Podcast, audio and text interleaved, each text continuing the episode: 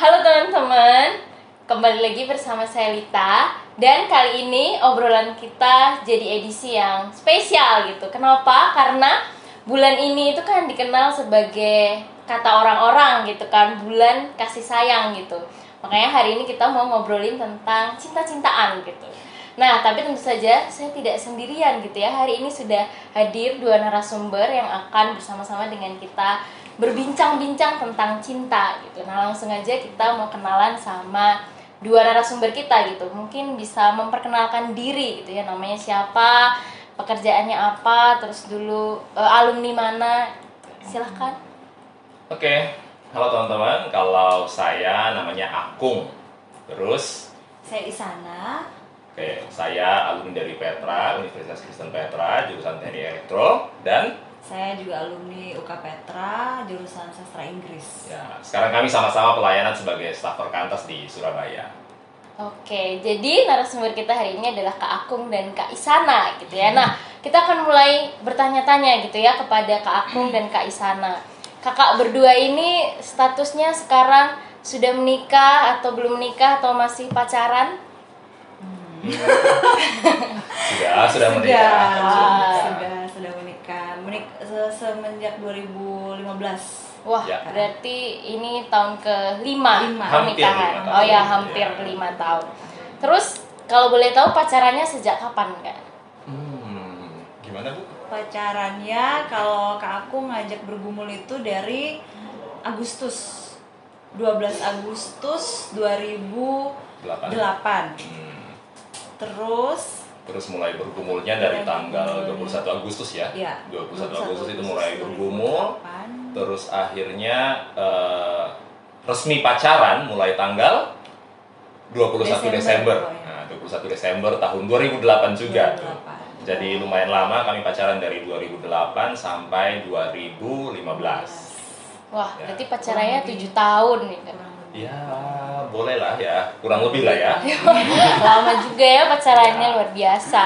Nah, kalau aku boleh nanya lagi nih kak, kira-kira apa sih yang akhirnya membuat Kak Akung dan Kak Isana ini memutuskan untuk oke aku mau pacaran? Gitu. Hmm, Oke, Eh, saya cerita versi saya dulu ya nanti. Oh iya, iya, silakan. istri saya cerita versinya dia. Jadi ceritanya sih eh, sebenarnya sudah saya sudah tahu eh, Kak Isana ini sejak masih SMA ya, karena kami sama-sama satu SMA di Kupang. Cuma ya hanya sekedar tahu aja gitu, hanya sekedar tahu oh eh, adik angkatan ya kayak gitu. Nah terus kemudian waktu sudah kuliah di Petra setahun kemudian, jadi saya masuk 2004, eh, Kak Isana 2005. Nah setahun kemudian masuk juga lah akhirnya di situ kenal karena kami sama-sama dari uh, kawasan timur jadi ya udah uh, kenal masih kenal begitu aja hanya sekedar ya tahu-tahu aja tapi kemudian uh, karena saya waktu itu pelayanan di uh, pelayanan mahasiswa di Petra dan uh, Isana juga kemudian masuk tahun kemudian ya akhirnya di situ kami mulai kenal dekat dan ya jadi seperti sahabat ya jadi seperti sahabat dekat. Karena kami kebetulan ada di satu divisi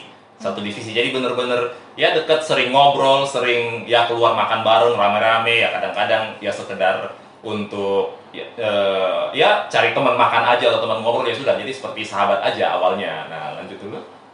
Iya, Eh. terus eh, pokoknya kenal kurang lebih tiga tahunan ya. Ya, kurang lebih. lebih tiga tahunan. Terus waktu itu akhir 2008 Kak Akung sudah wisuda.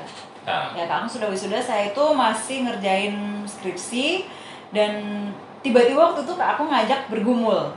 Tapi itu sangat-sangat tidak terprediksi karena relasi itu menurut saya itu sudah seperti kakak adik gitu dengan naifnya waktu itu seperti kakak adik karena memang saya nggak punya kakak cowok kayak gitu kan jadi waktu kak aku ngajak untuk bergumul tuh rasanya kayak hah? Dunia tuh mau runtuh gitu loh kayak apaan sih ini? Kayak gitu. Tapi di tengah kebingungan akhirnya saya sharing ke kakak KTB saya kayak gitu. Karena waktu itu kakung bukan ngajak untuk pacaran tapi ngajaknya mau nggak mendoakan bergumul sama-sama untuk apakah kita nih bisa pacaran atau enggak kayak gitu. Mungkin sekarang jarang ya orang yang bergumul dulu tapi waktu itu memang kakung ngajaknya untuk bergumul dulu dan kakak KTB saya menga- menganjurkan untuk ya nggak apa-apa kan doa kayak gitu ya udah akhirnya doa dan ternyata jawabannya adalah waktu itu sih eh, saya melihatnya kayak ya udah nggak apa-apa pacaran kayak gitu Hmm, Ya, jadi kurang lebih. Jadi eh, sebenarnya saya sudah suka lama ya. Saya sudah suka lama. Mungkin dari 2005 atau 2006 itu sudah mulai mulai suka lama. Itu karena ceritanya ada teman-teman eh, teman-teman dekat saya yang kebetulan lagi ngobrol-ngobrol mereka terus kemudian bilang ah itu loh eh, kayaknya kamu cocok deh sama Kak Isana itu. Cocok sama Isana ya waktu itu ya. Karena karena apa namanya ya tipikal kami ini agak-agak berlawanan ya. Jadi, jadi saya tipikal yang lebih easy going lebih santai. Eh, Isana ini tipe yang lebih terstruktur lebih tertata. Nah jadi eh, terus kemudian mereka bilang kayaknya kamu cocok sama dia kalian bisa saling melengkapi. Ah gitu ya. Ya tapi ya betul juga ya gitu. kebetulan juga cantik ya sudah. Kebetulan. akhirnya ya tapi memang cantik sih. Ya jadi ya terus kemudian akhirnya sudah mulai memberikan kode-kode. Nah cuma bagi saya saya sudah memberikan kode suka gitu. Memberikan perhatian. Cuma kalau bagi eh, bagi dia itu ya seperti kakak adik kali ya ya seperti Biasa hanya- aja Heeh, ya nggak nangkep gitu loh nggak Hmm. nggak ada rasa-rasa gimana gitu Enggak, kak kan enggak. udah lama cukup lama di bahkan Enggak, bahkan enggak. bahkan dia cerita lagi suka sama siapa ceritanya sama aku saking kami deketnya gitu Ya loh ampun. jadi eh, jadi bisa bayangkan ya Iya. saya harus mendengarkan dengan tetap senyum nah gitu kan tapi padahal di hati Dalam itu betul-betul hancur ah, ya begitu ya, ya gitu. gitulah ya begitulah Oke, oke Kak, terima kasih. Nah, kan pacaran dan proses kenalannya ini cukup lama gitu kan, apalagi pacarannya hampir tujuh tahun atau ya tujuh tahun lah ya.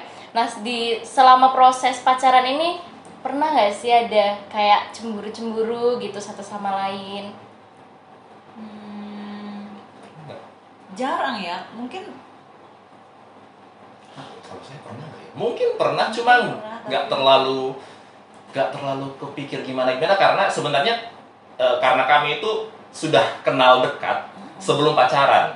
Jadi sudah lebih saling tahu oh eh, reaksi kayak gini nih seperti apa oh eh, kalau misalnya Isana oh dia memang bisa dekat sama orang-orang siapa aja. Jadi jadi lingkaran persahabatan kami lingkaran kedekatan kami itu eh, ya, kami sudah saling tahu lah gitu. Jadi Hmm.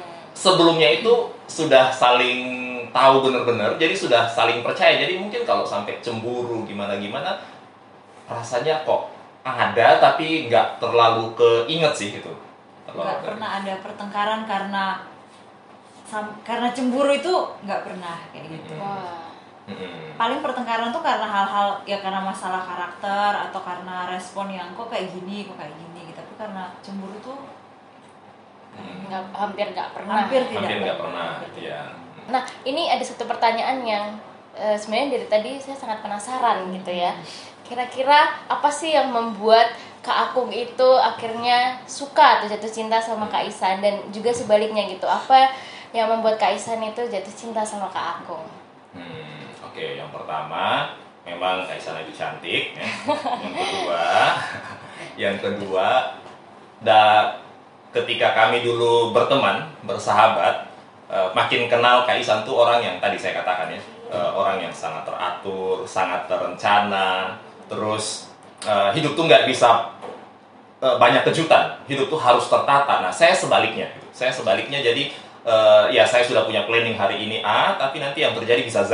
Nah gitu. Jadi jadi lebih easy going lebih mengalir dan ketika akhirnya kenal dengan Kaisan oh rasanya kami cocok. Jadi merasa sisi itu cocok. Sisi itu cocok. Sisi saling yang bisa saling melengkapi terus yang berikut memang saya eh, dari dulu tertarik sama cewek yang nggak terlalu apa ya yang ya, yang simple yang apa adanya yang sederhana yang nggak terlalu gimana gimana ya eh, apa adanya. Siap untuk kalau memang mau diajak jalan yang menyenangkan tapi juga nggak terlalu menuntut harus gimana gimana ya eh, asik aja gitu asik aja. Dan juga bukan tipikal cewek yang hedon yang boros gitu kan. Terus yang paling penting yang paling penting karena dari persahabatan kami saya betul-betul lihat bahwa Kak Isan tuh betul-betul orang yang bertumbuh gitu dari dari ketika awal bertobat terus kemudian akhirnya makin hari itu kelihatan sekali progres pertumbuhannya itu kelihatan banget. Jadi Kak tuh tipikal yang sangat